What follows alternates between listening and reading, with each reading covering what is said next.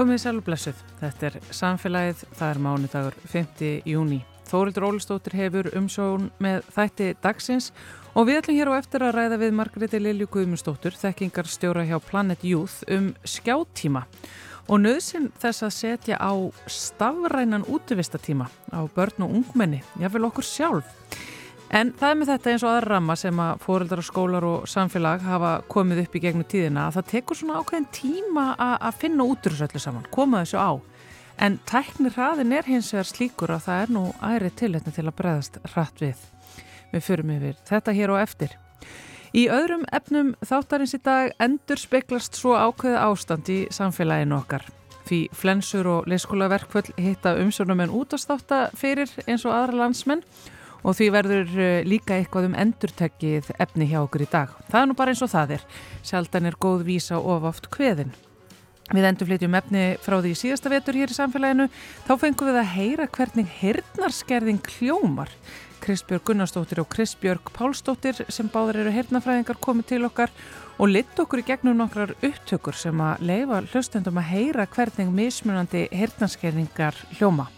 Svo er málfarsmínúta á sínu stað og við fáum svo að heyra aftur pistil frá Ester Rutt Unsteinsdóttur spendiravistfræðingi en uh, þar sagði hún okkur aðteglisverðar frettir af landnámið Hagamúsa í Vestmannegjum.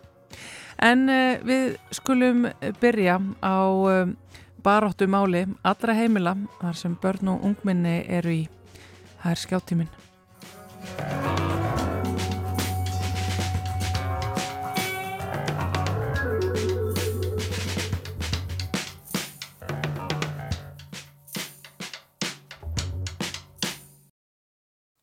Það er bara þetta einn á mörgum heimilum við börnin og ungmennin yfir skjáttíma. Ég held að allir hvort sem að þeir eru foreldrar eða ömur og afar eða bara aðstandendur ungra barna þekki þetta. Skjárin náttúrulega er bara hluti af lífi okkar allra.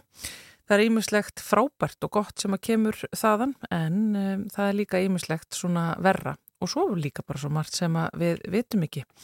Hún sest hjá mér Margret Lilja Guðmundsdóttir, hún er þekkingastjóri hjá Planet Youth. Sælvertu Margret Lilja. Sæl. Þið hjá Planet Youth og bara já, fólk í, í, í, með þinn fræðabagrun hafa verið að velta þessu málum mikið fyrir sér, skjáttími og, og, og stjórna honum og, og áhrif. -hmm. Svo sannarlega og ég er, ég er búin að tala með, ég var að segja hása í örgla tíu ár, eitthvað svo leiðis, um, um skjáttíma og skjáttíma batna og hvaða rannsóknir hjá rannsóknum á greiningu er að sína okkur hérna heima og og svo er Planet Youth að vinna Erlendis og þar sjáum við líka að það er raun og verið nákvæmlega sama ágefni meðal hérna, partneran okkar eða samstagsadala í þeim löndum. Þessi skjáttími og í raun og verið kannski samfélagsmiðlanir, hvernig áhrif þeir eru að hafa á líðanbarnan okkar, sérlega í stelpna, þannig já, þetta er eitthvað sem við tölum hátt og mikið um og ég held að sé full ástæða til.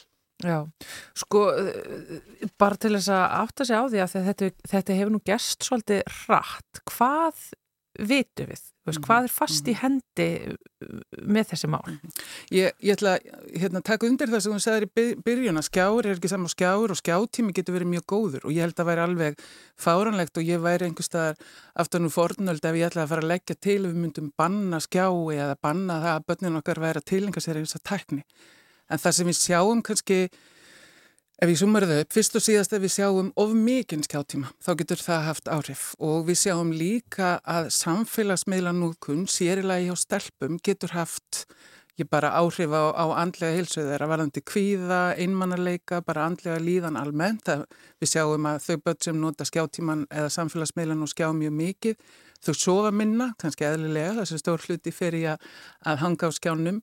Nýja rannsóknir erlendis frábenda til ef að börn eignast snjallsíma, mér veru sem er ekkit annað en bara tölfur, mjög ung og þá erum við að tala 5-6 ára, þá eru þau líklegri til að þróa með sér einhvers konar kvíðaenginni og bara andlega vanlíðan og aftur sérilagi í stelpunar þegar það er verða eldri. Þannig það er svona eitt og annað sem við erum og mér finnst kannski núna um, undanferðin tvö ár og kannski sérstaklega eftir COVID að þá erum við farin að sjá rannsóknir sem að benda til þess að ákveðin tegund af skjánótkun og þá kannski sérilagi samfélagsmeilanótkun geti haft slæm áhrif að börn á sama tíma og við erum líka sér rannsókn sem sína að fyrir önnur börn getið hún verið að hennu góða. Mm.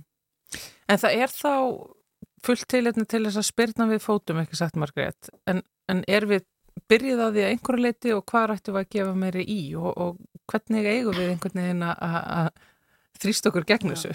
Mér finnst núna einhvern veginn og ef ég bara, það er ekkert langt síðan að ég var að tala við fóröldarbatna í grunnskóla hér í Reykjavík aldurinn 5-8 ára og allan síðasta vetur var ég að tala um hluti eins og rafran úti við þessa tíma og mér finnst vera komin verulegur hljómgrunur, ekki bara í samfélaginu almennt, heldur meðal foreldra líka um að við þurfum að grípa inn í. Við veitum að skólinn, kennarnir er að díla við alls konar samskipti eða samskipta örðuleika eitthvað sem hefur átt í staði samfélagsmiðlum daginn eftir í skólanum þannig að við erum farin að átt okkur á við heyrum um ofbeldi þar sé fólk eða krakkarnir að eftir eitthvað sem þau sjá mm -hmm. á TikTok stundum viljum við kenna samfélagsmiðlunum um alltaf slæma í lífinu en við erum svona, ég held við áttum okkur öllu því við erum farin að átt okkur á að það er svona eitt og annað sem það betur að fara og það sem ég held að sé fyrst og síðast og auðvitað eru við fóreldrar alltaf grunnurinn að þessu að við í fyrsta lagi setjum á mörgum okkur einhverja, einhverja bara stefnu. Hvernig ætlum við sem fóreldrar að ala börnun okkur upp í þessum heimi?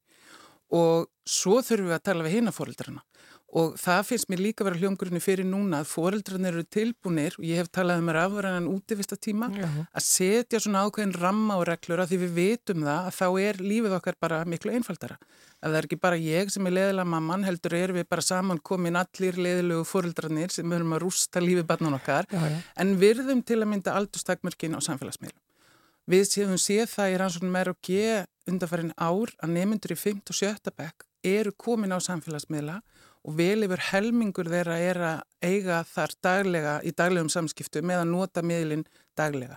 Við vitum að þessi miðlar enginn að þeim hefur aldurstakmörk yngri en 13 ára. Þannig við getum byrjað þarna, setja ramma og virt sam, hérna, aldurstakmörkinn en svo þurfum við líka að setja ákveðin hvað má og hvað má ekki. Uh, við getum ekki ætlast í þess að netið að miðlarnir sé að kenna börnunum okkur samskipti og við heyrum líka umræðu bæðinan úr skólakerfinu, íþróttutómsuttastarfinu og frá heimilónum að það er komin svona ákveðin talsmáti sem er kannski ekki æskiljur. Já, sko núna hafa alls konar átök sem ramma inn já, líf ungmenna og barna verið sett í gangi, menna útivista tími almennt, um, við erum með veist, reykingar, drikja, veist, hvaðina, bara alls konar sem að foreldrar og skólar og samfélagi held hefur ítt úr vör og, og komið á veist, hvað er þá okkur eru við þá bara ekki búin að koma þess á eins og stafrænum útvista tíma er, veist, tekur svona langa tíma einhvern veginn að undirbyggja eða til þess að eitthvað verði að veruleika einhver rammi verði fungerandi mm. í lífi okkar allara mm. og heimilinu Já, þetta er, þetta er mjög góð spurning og Ég er alveg samferðin um það og nú ætlum ég bara að líta í einn barm. Ég ætla ekki að fara að gaggrina fólki að núti. En við erum óbóðslega háð símónum okkar, tölfunni, skjánum. Mm -hmm. Við eigum sjálf mjög erfitt með að setja okkur ramma, eða ég á ég, mjög sjálf. Ég, já, bara, ég, meina, ég er aldrei þú, ekki þú með síman í höndunum, ég er bara viðkynna það. Man leggur hann helst ekki frá sér já. og það held ég að sé nú kannski það fyrsta, að ef að ég ætla að fara að setja ramma heima um mér um, um nótkunn á, á tækjum, þá þarf ég nú kannski að byrja á sjálfum mér, ef við þurfum að byrja þar. Mm -hmm. Það er líka gætnan það þegar við fáum nýjan, nýja, nýja tækni að þá erðum við ofsalega hrifin og, og uppveðruð og að tala móti nýri tækni þá er þetta bara gamaldags og með fornesku hugarfar sko, en gleymum við ekki að tækni mannana verk, þannig þetta er bara búið til að fólki og þá er ekkert óeðlilegt að við aðlögum okkur að þessu og Ég held að það sé partur af þessu, ég held að þessi líka bara hreinlega vegna þess að við áttuðum okkur kannski ekki byrjun hvaða áhrif þetta var að hafa. Og það sem ég sé núna í nýjastu skýslu frá, frá landlækni í bandaríkjunum þar sem hann bendur óskup einfallega á þær eru verið að setja alls konar viðmið og hugmyndur um hvernig maður setja ramma og reglur þarna utanum að við veitum ímislegt út frá rannsóknum. Og það er alveg klárt við höfum séð eins og ég segi hérna heima við höfum séð lagari andlegar líðan, meira einmannarleika, minnisvæp. Það er náttúrulega bara eitthvað sem við verulegar ágjur af. En við þurfum að vita miklu meira og þetta verða að rannsaka á fullu. En við getum heldur ekki staðfastlega að horta í augun og öllum og segja þetta er allt í lægi. Mm. Þannig um leið og við erum með eitthvað sem að við getum ekki sagt að það sé 100% í lægi, þá getum við heldur ekki ráðlagt það. Þannig að mér finnst núna verið komin samhljómur í fóreldrana um að setja ramanna og líka skólana. Við heyrum og við sjáum í löndunum um kringum okkur skóla sem ætla reynilega bara að banna símtækin. Og hvers vegna þurfa börnin tölfur í, í hérna, heimanfrá sér í, í, í skólatöskuna. Við vitum líka þetta tækibúnaður sem er notaður í skólum bara sem kennslutæki en þá þurfum við líka virðan sem slíkan. Þá þurfum við að sjá til þess að, að iPad-atnir eða, eða snjáltækin sem börnin eru að nota í náminu séu engungu notu sem námsefni og það sé ekki verið að bæta einhverju þar inn. En Margret, ef þú tala svona þá verður einhvern veginn svo ljóst að þetta er svo rosalega mm mikill frumskór, mm. þetta eru svo mörg horn og það er einhvern veginn að koma böndum á þetta og hafa yfir sín og síðan veist, bara að koma á veist, reglum sem að allir samþykja. Ég, mm -hmm. Núna finnst mér þetta bara vera ógerlegt. Það er ekkert ógerlegt og við sáum þann og við vísi bara í það sem þú talaður um hérna áðan. Eins og við vorum voru við meðal hæstu ölfunar úlingadrykju á Íslandi, já. það er ekkert langt síðan.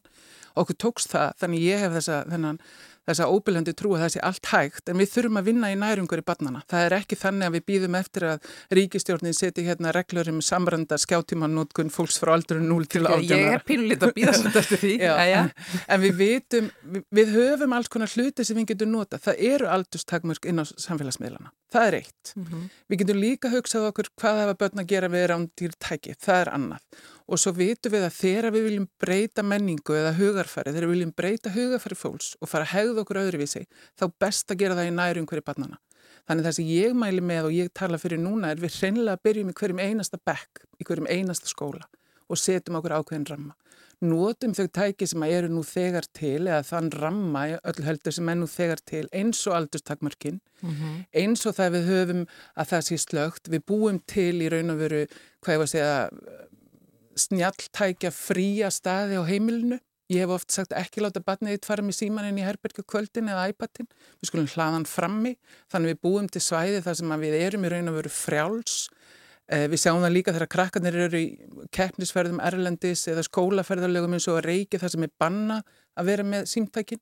Þetta er óttalegt bara himnaríki fyrir börnin, þau eru svo glöð að vera laus við tækið, þannig við þurfum að byrja í nærum hverju barnana. En aftur móti þurfum við líka að passa upp á að þeir aðila sem er að rannsaka þessi fyrirbæri eins og netnótkun og skjáttímann og samfélagsmiðlana að við séum stöðugt að segja frá og greina frá neðustöðum og leggjum línutnar að það sé í raun og veru fræðislega bæði fyrir fóröldarana, fræðmennina og þá fagaðila sem koma að og svo börnin sjálf vegna þess að við megum ekki glemja því að við þurfum í raun og veru líka taka samtala við krakkana að það sé ástæða fyrir því þú færð ekki að nota TikTok, Snapchat eða Instagram fyrir 13 ára.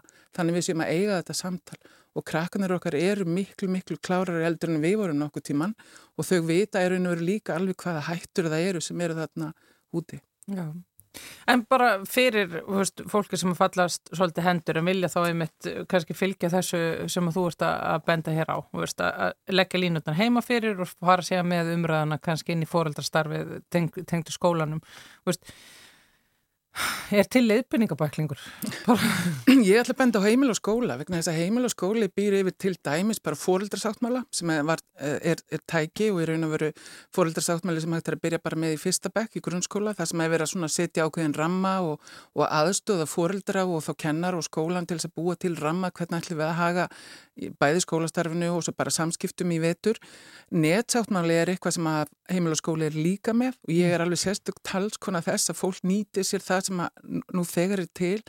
Ég veit að heimil og skóli býður upp á fræðslu í, í, í skólinn þar sem hægt er að fá aðila til þess að koma og tala um þessa hluti og það er mjög mikilvægt vegna þess að ég legg alltaf upp með í, í minni fræðslu að við þurfum að upplýsa fólk. Það fæðist ekkert foreldri með alla þessa þekkingu í huga. Mm -hmm þó að ég eigi úling þá er ekki þar með sagt ég viti allt og kunni hvernig á meðhandla úling. Ég hef gætnan vísaði það þegar ég fór á kvolpanámskeið þegar ég egnaðist hundin minn, tvö til þess að kenna litlu borgarrottunni minni að, hlýða en ég hef aldrei nokkuð tíma setja svona formleg, formlegt foreldra námskeið um það hvernig ég hef verið úlingaforeldri. Mm -hmm. Það er svona verðið að passa að tryggja það að við séum að tala til og fræða foreldrana og ég held að við séum líka vissan hátt að byrja of seint eða við öllu heldur getum byrjað miklu fyrr og eins og ég horfa á þetta núna bara í kringum mig þá þurfum við að fara að tala um uh, tækjanótkun, skjáttímanótkun bara, eiga að segja fyrsta ári, öðru ári. Þetta þarf að vera inn í ungbarnafræðslinni, maðuraverndinni, þetta þarf að vera umræðum í leikskólunum og grunnskólunum vegna þess að ef við erum farin að sjá mjög stóran hlut af nemyndum sem er 10 og 11 vera, vera nú þegar farin að nota samfélagsmiðlana, þá þurfum við að byrja enn fyrr. Þannig ég er alveg sko, ég bara veit það og það er mín staðfæst að trú að við getum náðu utanum en til þess þurfum við einhvern veginn og öll að tala í takt. Við þurfum í raun og veru eins og ég segja ofta gera þá einstaklinga sem hafa áökjur, vilja hafa ramma, vilja hafa ákveðna reglur í kringum þessa nótkun, við þurfum að gera þau að norminu, við þurfum að þau, gera þau að fóröldrannu sem eru með rétta hugarfari. Ekki hérna, jújú, jú, þetta er bara nútíminn og leifiðum að, að vera sem mest í þessu. Af því við vitum líka að skjárin er alveg óbóðslega hjálplegt tæki. Það er mikið efni, fullt af drasli og alls konar viðbjóðu sem viljum ekki börnun okkar sjá, en það er líka bara mjög mikið að góðu fræðandi einhverju efni sem bara hjálpar þeim en við verðum að passa að þetta sé ekki gengdarlust, já, já. hafa ramman hafa einhvers konar utanumhald hvað þau eru að gera og, og hvað þau eru Það verður aðteglisvert að sjá um eitt svona hvernig þetta þróast af því að við erum náttúrulega bara svolítið í, í, í sko, storminu miðjum akkurat núna, þetta er búið að gera svo rosalega hratt og svo komu þetta böndum á þetta hlýtur að vera eftir því sem að hérna, tímin líður.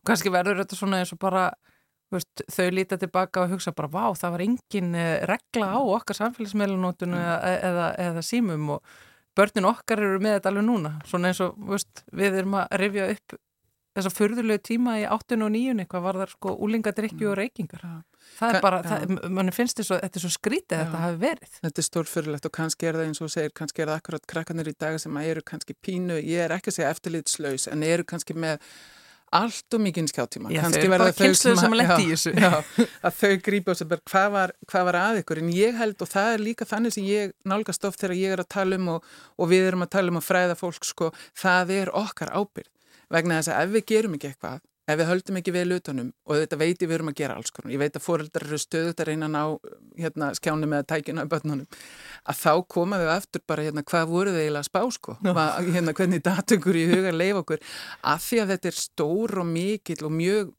hættulegur heimur, sjáðu bara ég vísa ofti hérna Halla, ég kalla hann Halla hérna góði miljardamæringurinn, við hefum eitt góðan miljardamæring í heiminum og við erum svo heppin, hann er íslenskur, hann býr hér að ég hugsa svo oft þegar hann segði einu viðtalinu, hann segði við vitum ekki hvað við höfum skapað og ég held að við séum pínu þar. Við erum með tæki sem er afskaplega gaglegt og, og allir þessi miðlar og allir þessi samskipti en við sjáum ekki alveg fyrir endan á því hvað við höfum skapað og ég veit þetta hljómar eins og ég sé að reyna að ræða fólk til hlýðinni en það er svo mikið til í því.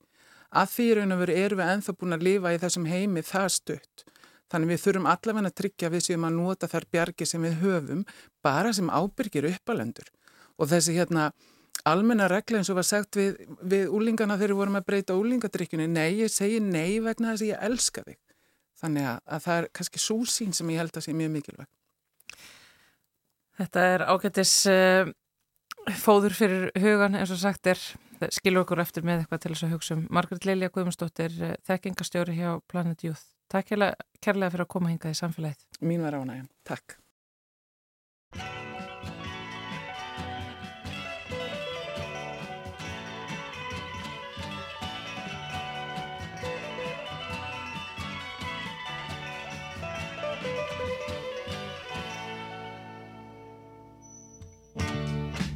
Standing on the corner Suitcase in my hand In corset, Jane is in her vest. And me, I'm in a rock and roll band. Huh. Riding a Studs Bearcat Jim. You know, those were different times. All, all the poets, they studied rules of verse, and those ladies, they rolled their eyes.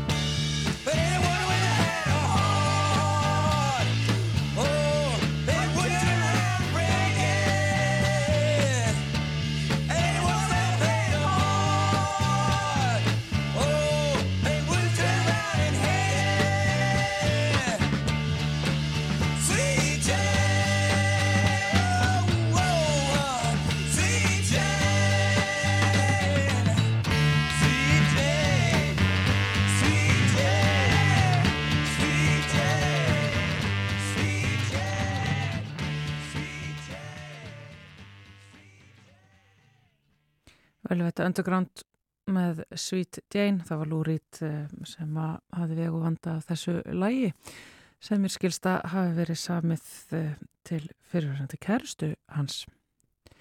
En eh, áfram höldum við hér í samfélaginu og endur flytjum nú efni sem að heyrðist fyrst í þessum þætti í desemberliðnum. Hvernig hljómar hirnarskerðing? Eitt eh, af töfrum útvarsins er það að við getum í rauninni heyrt það hvernig það er að vera með alls konar mismunandi útgáfur af hirnarskerðingu. Heyrnar og talminastöð Íslands hefur gefið okkur aðgang að upptökum af alls konar mismunandi útgáfum af hernarskerðingu og við ætlum að eh, nota tækifærið og fá að hlusta á þetta, setja okkur í spór þeirra sem að klíma við hernarskerðingu og hjá okkur til þess að fara yfir þessar upptökur og leið okkur í gegnum það hvað það er sem við erum að heyra og hvers vegna eru tveir heyrnarfræðingar sem að báðar heita Krisbjörg, annars vegar Gunnarsdóttir og hins vegar Pálsdóttir. Sælveriði. Sæl. Svo, svona upptökur, hvað eru þær að segja okkur? Í, eru þær notaðar þegar þið verið að kenna til dæmis ykkar fag? Nei, þær eru ekki notaðar í kennslu. Þetta eru svona samt, ák, gefur okkur svona ákveðna hugmynd um hvernig það er að heyra illa. En þetta er alltaf svo mikið einstaklingsbundi að það er erfitt að, veist, að fá nákvæma mynd af heyrnarskerðingunni. Já, þannig að engin ein heyrnarskerðing hljómar eins og önnur. Nei. Nei, það eru mjög ólíkar, jafn Já. ólíka og við erum mörg, getur maður sagt. Já, já. Þannig að eins og til dæmis ykkar starf sem er náttúrulega að greina þetta og hjálpa fólki og vera sérfræðingar í þessu, það er bara hver manneski er að koma með eitthvað nýtt á borðinu daglega. Já, það má segja það, já. Algjörlega. Ó. En sko við þurfum þá kannski að vera meðvitið um það þegar við hlustum á þetta, að þetta er bara svona að mörguleiti kannski svona viðfæðum dæmi um bara hvernig þetta er. þú Veist, Já. þetta, er ekki, þetta, er ekki, þetta er ekki salningurinn eini en þetta gefur okkur kannski einhverjum svona smá hugmynd. Já, Já, við fáum smá hugmynd við, þetta erum flest með nokkuð góða Já, og með okkar, allar okkar harfrumur og þannig að við þurfum aðeins að horfa á þetta með þeim augum að þetta er ekki endilega það sem er eins nákvæmlega eins og maður, þeir sem eru með heyrnaskjörg eins og þeir heyra. já, já. Og þegar heyrn er sko eðlileg að þá eru verður sko eiraði mjög svona, við greinum mjög vel breytingar á hljóði. Já, Eirað greini mjög vel breytingar á tíðinni. Uh, Það heyri mjög vel þagnir á milli talhljóða. Um leið og það er heyrnarskerðing að þá skerðist nefni eirans. já, já. Þannig að við heyrum þessa breytingar ekki jafn vel. Þannig að sko af því að þetta eru svona margar upptökur uh, af alls konar útgáfum af hernaskerðingu, ég var eiginlega svolítið hissa hvað þetta voru margar upptökur sem að fylgdu beð ykkur, af því að hérna, ég held bara hernaskerðingu væri bara einhvern veginn og þú heyrðir bara aðeins minna en, en eins og þú ert að koma inn Kristberg að þetta er líka náttúrulega bara alls konar tíðnisvið og slíkt Já. Við erum bara með svo ótrúlega margar útgáfur af heyrnaskerðingum og það eru það sem flestir eru með svo kallar hátíðniskerðingu. Hátíðniskerðingu Já. Já, Það er raunin bara þannig líffræðilega að við flest missum hátíni á lífsleginni og svo er bara spurning hversu mikla hátíni við missum á lífsleginni og hvenar það byrjar. Býtu, er þetta ekki einmitt það sem hefur verið notað gegn úlingum á einhverju svona stöðum og það spila hátíni hljóð sem að enginn yfir þrítugu heyrir? Já. Þetta, Já. þú ert að tala um þetta? Já. Þetta er akkurat málið. Við heyrum, þegar við fæðumst þá heyrum við á bylunu 20 til 20.000 hertz en missum mjög fljótt þessi 20.000 hertz og þar í kring. Já, alltaf leið. Þannig að ef- með hækkandi aldri þá mingu- minnkar hátíðinni hljóð eða við heyrum hátíðinina verður. Já. En annar fyrirværi sem að langar um þetta að setja á þetta, eh, fyrir þau þarna úti, hlustendur sem er að hlusta á þetta og eru eitthvað heyrnaskert, hvernig hljómar þetta fyrir þau? Eru þau eitthvað að fara að ná hvað við erum að tala um? Já, þetta verður auðvitað bara kannski aðeins verra fyrir þau að því að þau eru með hirtnaskerðingu. Þannig að þá verður þetta bara, já, verra. Þetta það er bara erfitt að bera þetta saman. Því við vitum auðvitað ekki nákvæmlega hvernig aðrir upplifa sína heyrn. Já, ég skil.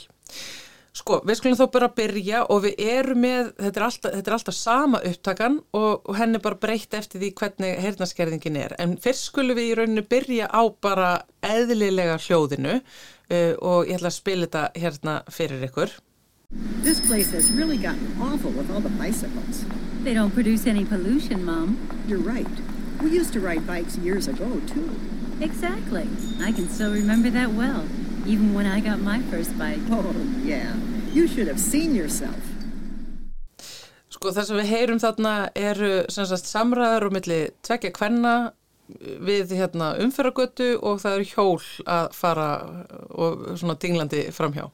Já, Og þessi einstaklingur er eðlilega heyrandi. Já, Við, hann heyrir þessar stuttu til dæmis tagnir á milli taljóða, við greinum orðin, við heyrum orðaskilin vel tökum inn allt umhverju, Tökum öll allt. umhverjusljóðin. og þau trubla lítið. Já, þannig að við náum sem sagt bæði samtalinu og umhverjusljóðunum. Þannig að þetta var sem sagt eins og bara eðlilega heyrandi fólk heyrir. Já. Aldrei lagið, þá skulum við fara í um, já, einhverja heyrnaskerðingu. Hvað eigum við að byrja á? Byrja á vægri skerðingu. Við skulum hlusta á það. This place has really gotten awful with all the bicycles. They don't produce any pollution, Mom. You're right. We used to ride bikes years ago, too. Exactly. I can still remember that well, even when I got my first bike. Oh, yeah. You should have seen yourself. Þarna er þetta í rauninni nákvæmlega sama sena en, en hún er svona dempaðri. Það er eins og maður sé að heyra hana í gegnum svamp. já, við þurfum að innbytta okkur aðeins meira til að hlusta. Umhverjusljóðin trubla kannski örlítið meira. Það er svolítið það sem gerist bara almennt með heyrnaskerðinga, umhverjusljóðin verða meira ábyrjandi. Og það er með þess vegna þannig að þau sem að glíma við sko svona milda heyrnaskerðingu eða litla heyrnaskerðingu fi- finnst óþægilegt að vera í svona gjallandi sölum og nenni til dæmis ekki ársatíðum vinnustæðina sína. Alltaf lagi. Uh, næsta sem við ætlum að spila er þá uh, bara aðeins uh, meiri heyrnaskerðing. This place has really gotten awful with all the bicycles. They don't produce any pollution, Mom. You're right. We used to ride bikes years ago, too. Exactly. I can still remember that well, even when I got my first bike. Oh, yeah. You should have seen yourself. Þarna langaði mig bara til þess að hækka í öllu, til þess að reyna að heyra þetta betur. já, En, en, en fyrir þau sem er heyrnasker þá hækkaðu ekki svo glatt í, í umhverfinu þó að kannski örglega einhverju það núta að vera að hækka í útvarpinu sínu. En líka það að gæðin er ekki alveg þau sömu. Það er ekki bara að hækka, heldur það líka svona gæðin og næmnin Já. sem er farin. Þarna er náttúrulega bara allt einhvern veginn daldi farið að renna saman, heyrðismanni. já, Það var alltaf, þú eru þá að fara í, í næsta, hvað er það? það er mikil heyrnaskerðing. This place has really gotten awful with all the bicycles. They don't produce any pollution, Mom. You're right. We used to ride bikes years ago, too. Exactly. I can still remember that well, even when I got my first bike. Oh, yeah. You should have seen yourself. Já, þarna þurfti maður alveg virkilega mikið að einbetta sér til þess að heyra orðaskil á milli þeirra maðgna. Já, og maður getur ímyndið sér ef maður ætlar að hlusta á þetta allan daginn. Ég, það er þreytandi maður. Mjög þreytandi. Þú getur ég að valla komist í gegnum nokkra samræður. Nei. Og, og það vantar, þú veist, þetta fólk sem er með svona mikla heyrnarskerðingu upplifur oft að tal sé monotónist.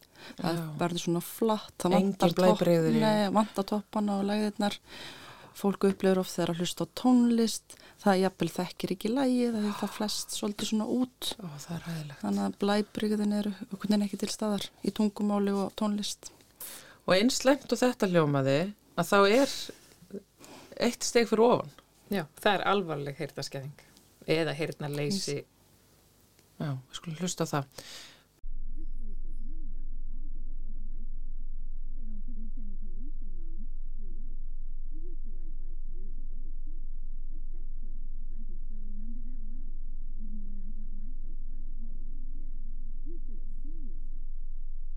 Maður heyrði eiginlega ekki neitt. Nei. Er, og ég, veist, það er einhverju þarna úti sem að voru bara núna að hlusta á þögn. Já. Þetta er, já, þetta er rosalegt. Þetta er bara heyrnalus manneska. Þetta er bara með bara Já, litla sem enga heyrt. Já. Flestir sem eru heyrnalausir hafa einhverja heyrnaleifar Já. en flokkast samt, við get ekki nýttar neittar á því. Nei, þetta er bara svona eins og einhver svona söðið og ómur mm. einhver staðar í fjarska sem að bara Upplifir bara eins og það sé meirinn í heilanum á þér bara. og þetta er líka miða við bara svona eins og við, það sem við köllum flatar skerðingar og þarna er ekki tekið til til að það vanti hátinnina líka. Já. Þannig að þarna erum við rauninu búin að fara yfir eh, bara hérna nokkru upptökur sem er bara fyrsta leið hvernig þetta hljómar fyrir bara velheyrandi mannesku og síðan bara tökum við eh, smá af heyrnar getunni niður og eiginlega alveg onni heyrnarskerðingu. En við erum með fleiri upptökur hérna og það eru svona, svona, það eru svona meiri núansar í þeirri heyrnarskerðingu. Það er ekki svona bara, ég, ég veit ekki, hvað kallið þetta? Það er þetta, þessi algengasta sem er hátinniskerðingin. Það er oft talað um svona aldurstengta heyrnaskerðingu og heyrnaskerðing af völdum háfaða. Það er oft svona þessar hátíðniskerðingar. Já, við skulum hlusta, við skulum hlusta á það. Þetta er þá hátíðinni heyrnarskerðing. This place has really gotten awful with all the bicycles. They don't produce any pollution, Mom. You're right. We used to ride bikes years ago, too. Exactly. I can still remember that well, even when I got my first bike. Oh, yeah. You should have seen yourself. Þarna verður niðurinn í umhverfnum frekar ábyrrandi Já. og það er vegna þess að það eru bassa, það eru bassatónarnir. Það sem fólk er heyri betur. Já. Og síðan á þessu hátíðnisvæði þar liggja ákveðin talhljóð, svona þessi blástursljóð, samhljóð sem að þessi einstakningur er farin að heyra þá illa. Svona eins og S og S, K, K, P og rugglar, rugglar þessu saman. Svona, þetta sem gerir málið skýrt. Já. Þannig að margir tala um að það vanti skýrleikan. Er það bara eins og allir sem að tala við viðkomandi séu þoklumæltir? Já. svolítið þannig og þú heyrir kannski illa munun á finnur og þinnur eða þinn og finn þess, nú, sinn, S, þotn, F þessi hljóð svona svolítið ruglast saman fólk lendur oft í erfileikum með að greina þetta í margmenni þú ert komin í hóp Já. En hversu algengt er þetta? Mjög, mjög algengt Mjög algengt. þetta er nú kannski algengasta. Algengasta hernaskerðingin Já, af því að hún er svo aldurstengt. Já. Þetta er svona pílutið eins og þarna bara þegar maður þarf að fara að setja upp glerugu eftir færtug. Já, já, Já. svolítið þannig Já, allt er leið. En e, það er önnur svona, hérna, já, aðeins öðruvísi e, hernarskerning sem við ætlum að hlusta á næst. Hva, hvað er það? það er það er svo kvöldu hengikúrfa. Þá heyrir maður bassan og maður heitir hátina en vantar miðjuna. Og miðjan er með því mikilvægra í talinu. þar liggja sérhljóðin okkar Við skulum hlusta á það. This place has really gotten awful with all the bicycles. They don't produce any pollution, Mom. You're right. We used to ride bikes years ago, too. Exactly. I can still remember that well, even when I got my first bike. Oh, yeah. You should have seen yourself. Þetta var skrítið hljóð. E, já, það, það var einhvern veginn, og þú getur ímyndað þér þegar þú ert með svona heyrðarskerðingu, svona hengirúmskerðingu, þá ertu fann að heyra verð sérhljóðin og það er miklu, miklu erfiðara að giska inn í eigðurnar ef þú heyrir ekki A og U og E heldur en samhljóðin, þotn og S og þetta, þannig að þú ert svona, já, það fara að háðir jafnvel meira í svona að greina að tala mál. já, Þetta er svolítið, maður getur ímyndað sér þetta sé alveg svolítið sem við skrifum stafi og sleppum sérhljóðanum þá getum við giskað. já, En ef já. við skrifum, staf, eða skrifum orð og sleppum samhljóðanum, Já, þá, það, þá er þetta náttúrulega bara bull. Það er ekki Já. hægt að vita hvað Nei. Er verið að segja. Nei. nei, þetta er svona eiginlega, maður getur sagt þetta er svolítið akkurat aukt í það. Já, einmitt. Já, en það var bara e- e- eiginlega svona, e, það, það var rosalega óþægilegt að hlusta þetta fannst mér. Já, Og núna erum við líka búin að hlusta á sömu upptökuna svolítið oft, Já, þannig að þá er maður aðeins farin að læra hvað þeir eru að segja. já, já. En það var alveg, það var erfitt að heyra samt þarna orðaskil, sko. Það var nú alveg þannig. Um, og það er, það er ennönnur upptaka sem við ætlum að, að hlusta á, á hér í, í, í lokin. Eh, hvað er það? Það er látíðni skerðing, það er sérst bassaskerðing og hún er ekki algeng. Nei, við skulum heyra hvernig hún er. This place has really gotten awful with all the bicycles. They don't produce any pollution, Mom. You're right. We used to ride bikes years ago, too. Exactly. I can still remember that well, even when I got my first bike. Oh, yeah. You should have seen yourself. Sko, það er náttúrulega frábært að umfyrra neðurinn detti niður, niður. en, en, en bassaskerðing tekur samt alveg ofsalega eh, mikil blæbrigði úr umhverfinu og öllu sem allir eru að segja. Já, maður tók líka eftir að, að bjallan, hún var mjög Já, hún var alveg stingandi, sko. Já. Þetta er rosalega óþægilegt að vera með þessa hirtaskerðingu, af því að þú getur bara ert í umhverfi sem að er bara svona aggressíft nánast á þig í Já. hljóðum. algjörlega. En þetta er sem betur fyrir sjálfgeft. Þetta er sjálfgefara, já. Þetta hljómaði hræðilega bara þannig að það sé sagt bara, ég, já, ég, ég, hérna, ég er eiginlega eftir að hafa hlustað á allar þessar u- upptökur og eins og við sögðum náttúrulega með þeim fyrir var að þetta er, þetta er bara svona mjög dæ, mikil dæmi, það hver ein og einasta hirtnaskerning er, er einstaklisbundin að þá, þá hugsa maður að þetta er ofsalega mikil skerðing á, á lífinu hjá manni að vera alltaf hirtnaskertur Já. að heyra allt í umhverfum manns og allt sem er sagt við mann með einhverju af þessum sem við hefum verið að hlusta Og þetta núna. er svo falin skerðing. Fólk veist, þetta sést ekki utan að þér. Já, af því að, að einmitt að þú segir þetta er svo falin skerðing maður á svo erfitt með að setja sig í spór þeirra sem að heyra illa. Ég, get, ég hef alltaf geta sett mig í spór þeirra sem að sjá illa og, og hérna það er einhvern veginn bara sem að ég held að maður tengi bara svolítið við. En, en þetta er alveg nýtt. Það er svo auðvelt að loka augunum. Já, einmitt, já. Eða horfi gegnum eitthvað sem er skítugt, Já. skítuglerugu. Já, eða eitthvað svo leiðis. Já, ég prófa það sko, veist, maður, ég, maður prófa að setja á sig veist, glerugu veist, sem að hjá fólki sem er með sjón, mikla sjónskeringu og Já. sjá allt einhvern veginn svona og þau bara, já, þú ert örugglega að sjá núna eins og ég sé án glerugna en þetta er alveg nýtt. Og það er líka þannig að glerugu hjálpa meira. Þú færið svona, svona venjuleg, venjuleg sjónskerðing og þú setur upp gleru og þá sérðu eðlilega svona þessi típiska heyrnaskerðing, hátþýniskerðingin. Þú setur heyrnatæki í eirun en þú heyrir samt ekki eðlilega. Já, þannig að þú ert alltaf með heyrnatækin ná aldrei alveg, Nei, heyrnantekin eru hjálpatæki sem gefa ekki eðlilega heyrn. já, þannig að þetta er, Þannig að þú færið aldrei þína heyrn tilbaka þegar þú ert búin að missa hana.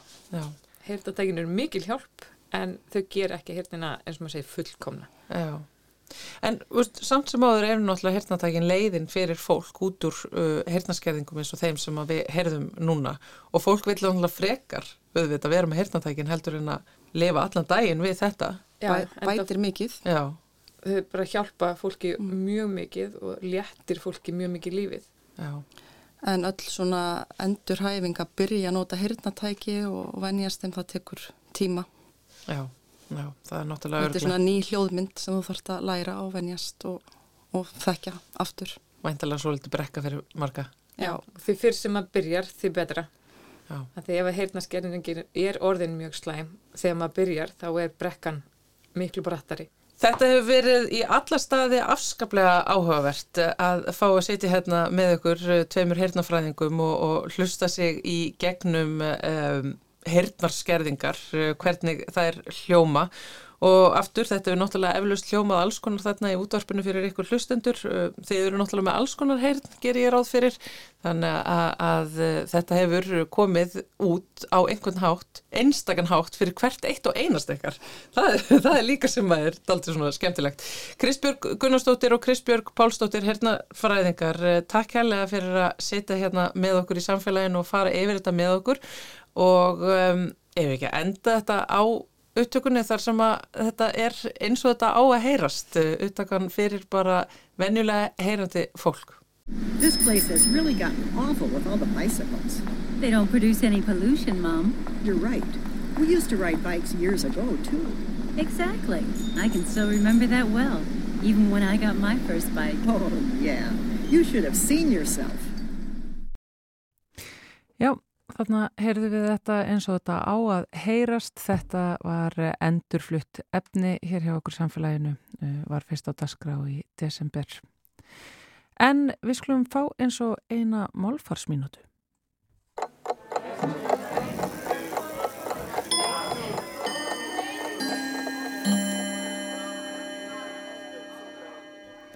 Þótt fornöfn séu oftast talin til lokara orðflokka sem ekki taka við nýjum orðum, hafa á undanförnum árum orðið til ný persónufornöfn.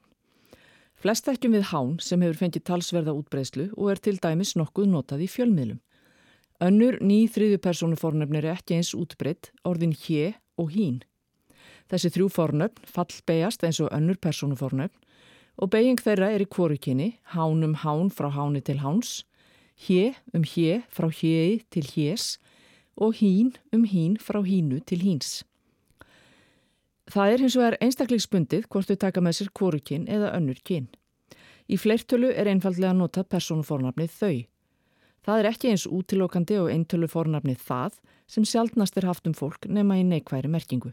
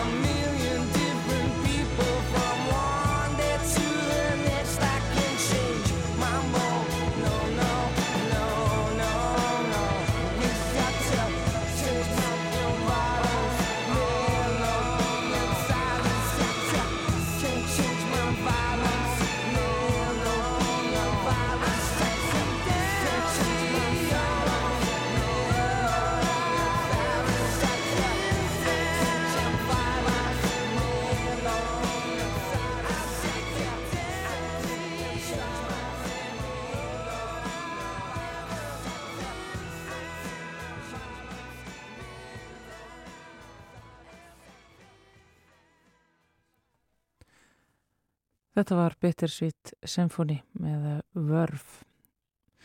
Einkennandi lagstúfur þarna sem er endur nýttur í þessu lægi sem eh, kemur frá Rolling Stones, frábær útgáfa. Hér og eftir ætlum við að eh, heyra pistil frá Ester Rud Unnsteinsdóttur, spendira vistfræðingi um eh, stórmerkilegt landnám í Vestmannegjum. Það eru hagamís sem að hafa eru vist að koma sér fyrir þar. En um, fyrst skulum við heyra Ruslarapp.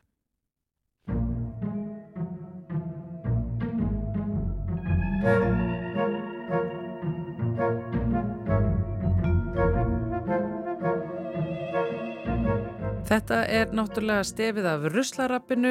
Ruslarappið er farið af stað hér í samfélaginu og það er Eirikur Örd Þorstensson, sérfræðingur í fræðslu og miðlun hjá Sorpu sem er sestur hjá okkur til þess að svara spurningunum um hvernig maður á að flokka sellofan. Já, sellofan sem sagt náttúrulega lítur út eins og plast en er raun og veru ekki plast. Þetta er búið til úr, til úr öðru efni en, en plast er búið til úr og hérna er óendur vinnanlegt þannig að sellofan uh, bera að flokka bara með sagt, á að setja með almennarsvarpi Þetta er þó bara ekki gott efni. Sellofan er bara ekki, ekki eitthvað sem maður ætti að nota. Nei, ég myndi reyna að sleppa því ef mögulegt er. En hérna þetta er náttúrulega aðalega er þetta ekki aðalega að nota þetta um blómvendi? Mm -hmm. er það ekki rétt hjá mér? Jú. og hérna náttúrulega nýlega var, var frétt um að, að fólk var nefnilega að leggja niður blóm hérna e, út af, út af hérna, andlati brellandsdrottningar og, og þá var verið að, að byggla til fólk sem að, að skilja blómin ekki eftir í einhvers konar umbúðum, bara skilja eftir blómin, þetta er náttúrulega e, brotnar ekkert auðveldlega niður. Já. þannig að hérna, þetta er kannski ekki það besta fyrir umhverfið. Nei, ætli selofan sé þá bara ekki eitthvað sem að hljóti að hverfa með tíman Mögulega, mjög svona, kannski er ekki eitthvað að vera minna á minna á þessu. Ég sjálfur tengi lítið við notkun selofans, ég notaði lítið sjálfur. Þú gre greinilega ekki stundar mikla gjafa einborgun gegnum tíðina ykkur. Því miður, nei, ég veit ekki hvort það sé það, já, það er góð spurning. Ég held að það sé það. en selofan er sem sagt óendurvinnanlegt efni sem að hins vegar er í félum og gappar fólk oft í það að, að það sé plast sem það er ekki. Þó er að ekki það sé glært og, og, og hérna, krumpist einhvern veginn ekki plast, beint í almenna og svo bara hættum að nota sellofan þetta er búið. Já, það er það er rétt. Eirikur Þorstesson eh, hjá Sorpu, takk fyrir spjallið. Takk fyrir mig.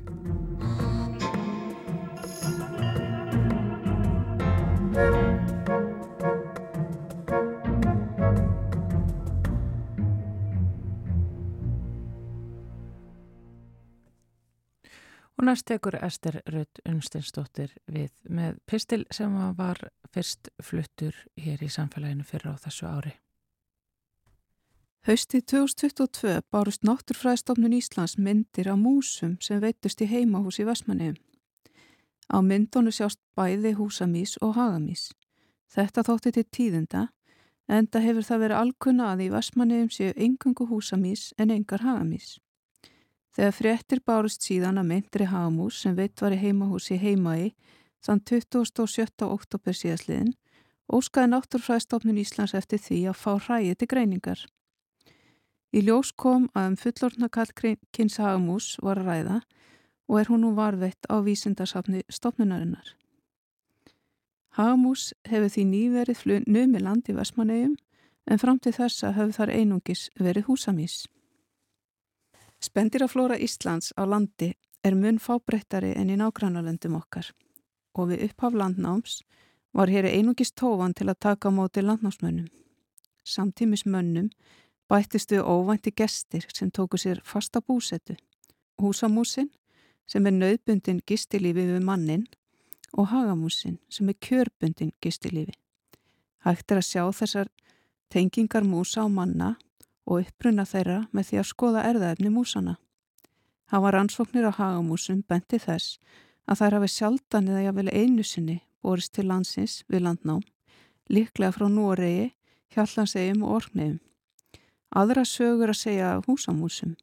Við getum séð út frá erðaefni frá kvatbyrjum að upprunalega komu húsamísnar með landnámsmönnum en síðan bárust þær til landsins oftar en einu sinni og frá mismunandi svæðum. Þetta sést á því að húsamís í eigafyrði eru skildasta músum í söður Noregi. Mís á héræði eru einni skildar húsamúsum frá Noregi, auk músa frá Damörk og Svíþjóð. Hins vegar eru húsamís af stærstum hluta landsins, þar á meðal Vesmanegjum, með mestan skildleika við húsamís á Írlandi, Skotlandi og Viskovsku eigarnar. En hvað merkir þessi munur á músunum? Það er nöðbundið og kjörbundi gistilífi og svo hæfileiki þeirra og geta til þess að flytja með mönnum. Þegar við tölum um nöðbundi gistilífi húsamúsa þá merkir það að þær þurfa á fólki að halda. Það er reynlega blómstra þegar þær hafa manngert skjól og nóga fæðu og geta þannig náð gríðalegum þjallega. Þegar húsamís eru í slíkum fjölda í skjóli mannfólks þá geta þær haldið öðrum smáum smendurum í burtu og jáfnvel ráðist á dýr sem eru margkvælt stærri en það sjálfar. Þegar þær eru ánmann fólks, þá er eigaðar hins vegar erfitt í samkefni og er frægasta dæmið frá einni seint kilda við strendur Skotlands. Þar voru til staðar bæði hagamís og húsamís í uppaði 20. aldar.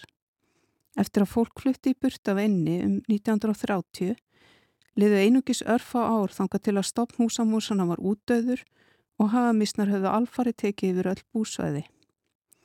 Hagamís eiga hins var í yngum vandrað með að lifa út í náttúrinni án aðstofa manna þó það tæki þar fegin sendi að fá aðganga mannabílum eins og margir taka sérstaklega eftir á haustin.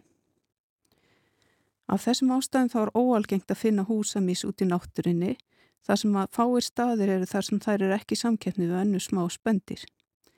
Nokkur að fáum dæmum um þetta eru eigjar í færium þar sem að önnur smá spendir eins og hagamúsin hafa ekki numi land og svo hefur þetta verið raunin í yfir 1100 ár í heimaí. Í raunin er eini staðurinn þar sem vitar fyrir vissu á húsamís lifi viltari náttúrin á Íslandi á heimaí. Það er mís hafa verið eini síðan fyrstu landnámsmenn komið til landsins og því líklegt að það séu vel aðlagara umhverju sínu. Vistfræði hagamúsarinnar eru margt ólíkt húsamúsinni. Það sem að tegundin ferðast sjaldan með mönnum er náttúrulega útbreysla tegundarinnar komið til vana aðlögunar að því umhverfi sem hún er í og samkeppni við aðra tegundir smára spendira. Ísland er eina landi þar sem hagamís finnast í náttúrinni á nokkura samkeppni við aðra tegundir og einnig er tegundina hverki að finna eins norðarlega og hverki annar stað lifi tegundina á jafn smágerðri og næringasnöðri fæði. Það sem hagamúsin er mun starri en húsamúsin þá stendur hún betur í samkeppni út í náttúrunni en það sem húsamís ná mun meiri stopp þéttleika í mannabílum, það sem næg fæða þetta staðar, þá standa húsamís betur að výi í hýpili manna. Árið 2019 veitist fyrsta skrítna músin í suðurluta heimaegar. Þannig mís heldur svo áfram að veiðast á samt húsamúsinni og voru þær greindar til tegundar að myndiræði árið 2020. Hausti 2022 barst svo eintak til náttúrufræðistofnunar sem staðfesti að um hagamús var að ræða. Voru þá bæði hagamís og húsamís að veiðast víða um einna. Þetta nýja landnám hagamúsar í heimægi er aðteglisvert og merkilegu viðbyrður á heimsvísu. Nú verður áhugavert að fylgjast með afdrifum tegundana og sjá hvort önnur tegundin verður undin í samkeppninni líkt og gerðist á einni senkilda. Líkast til verður húsamúsin áfram í eigum meðan þar býr fólk en hagamúsin geti hæglega lagt undir svo önnur búsvæði utan byggðar.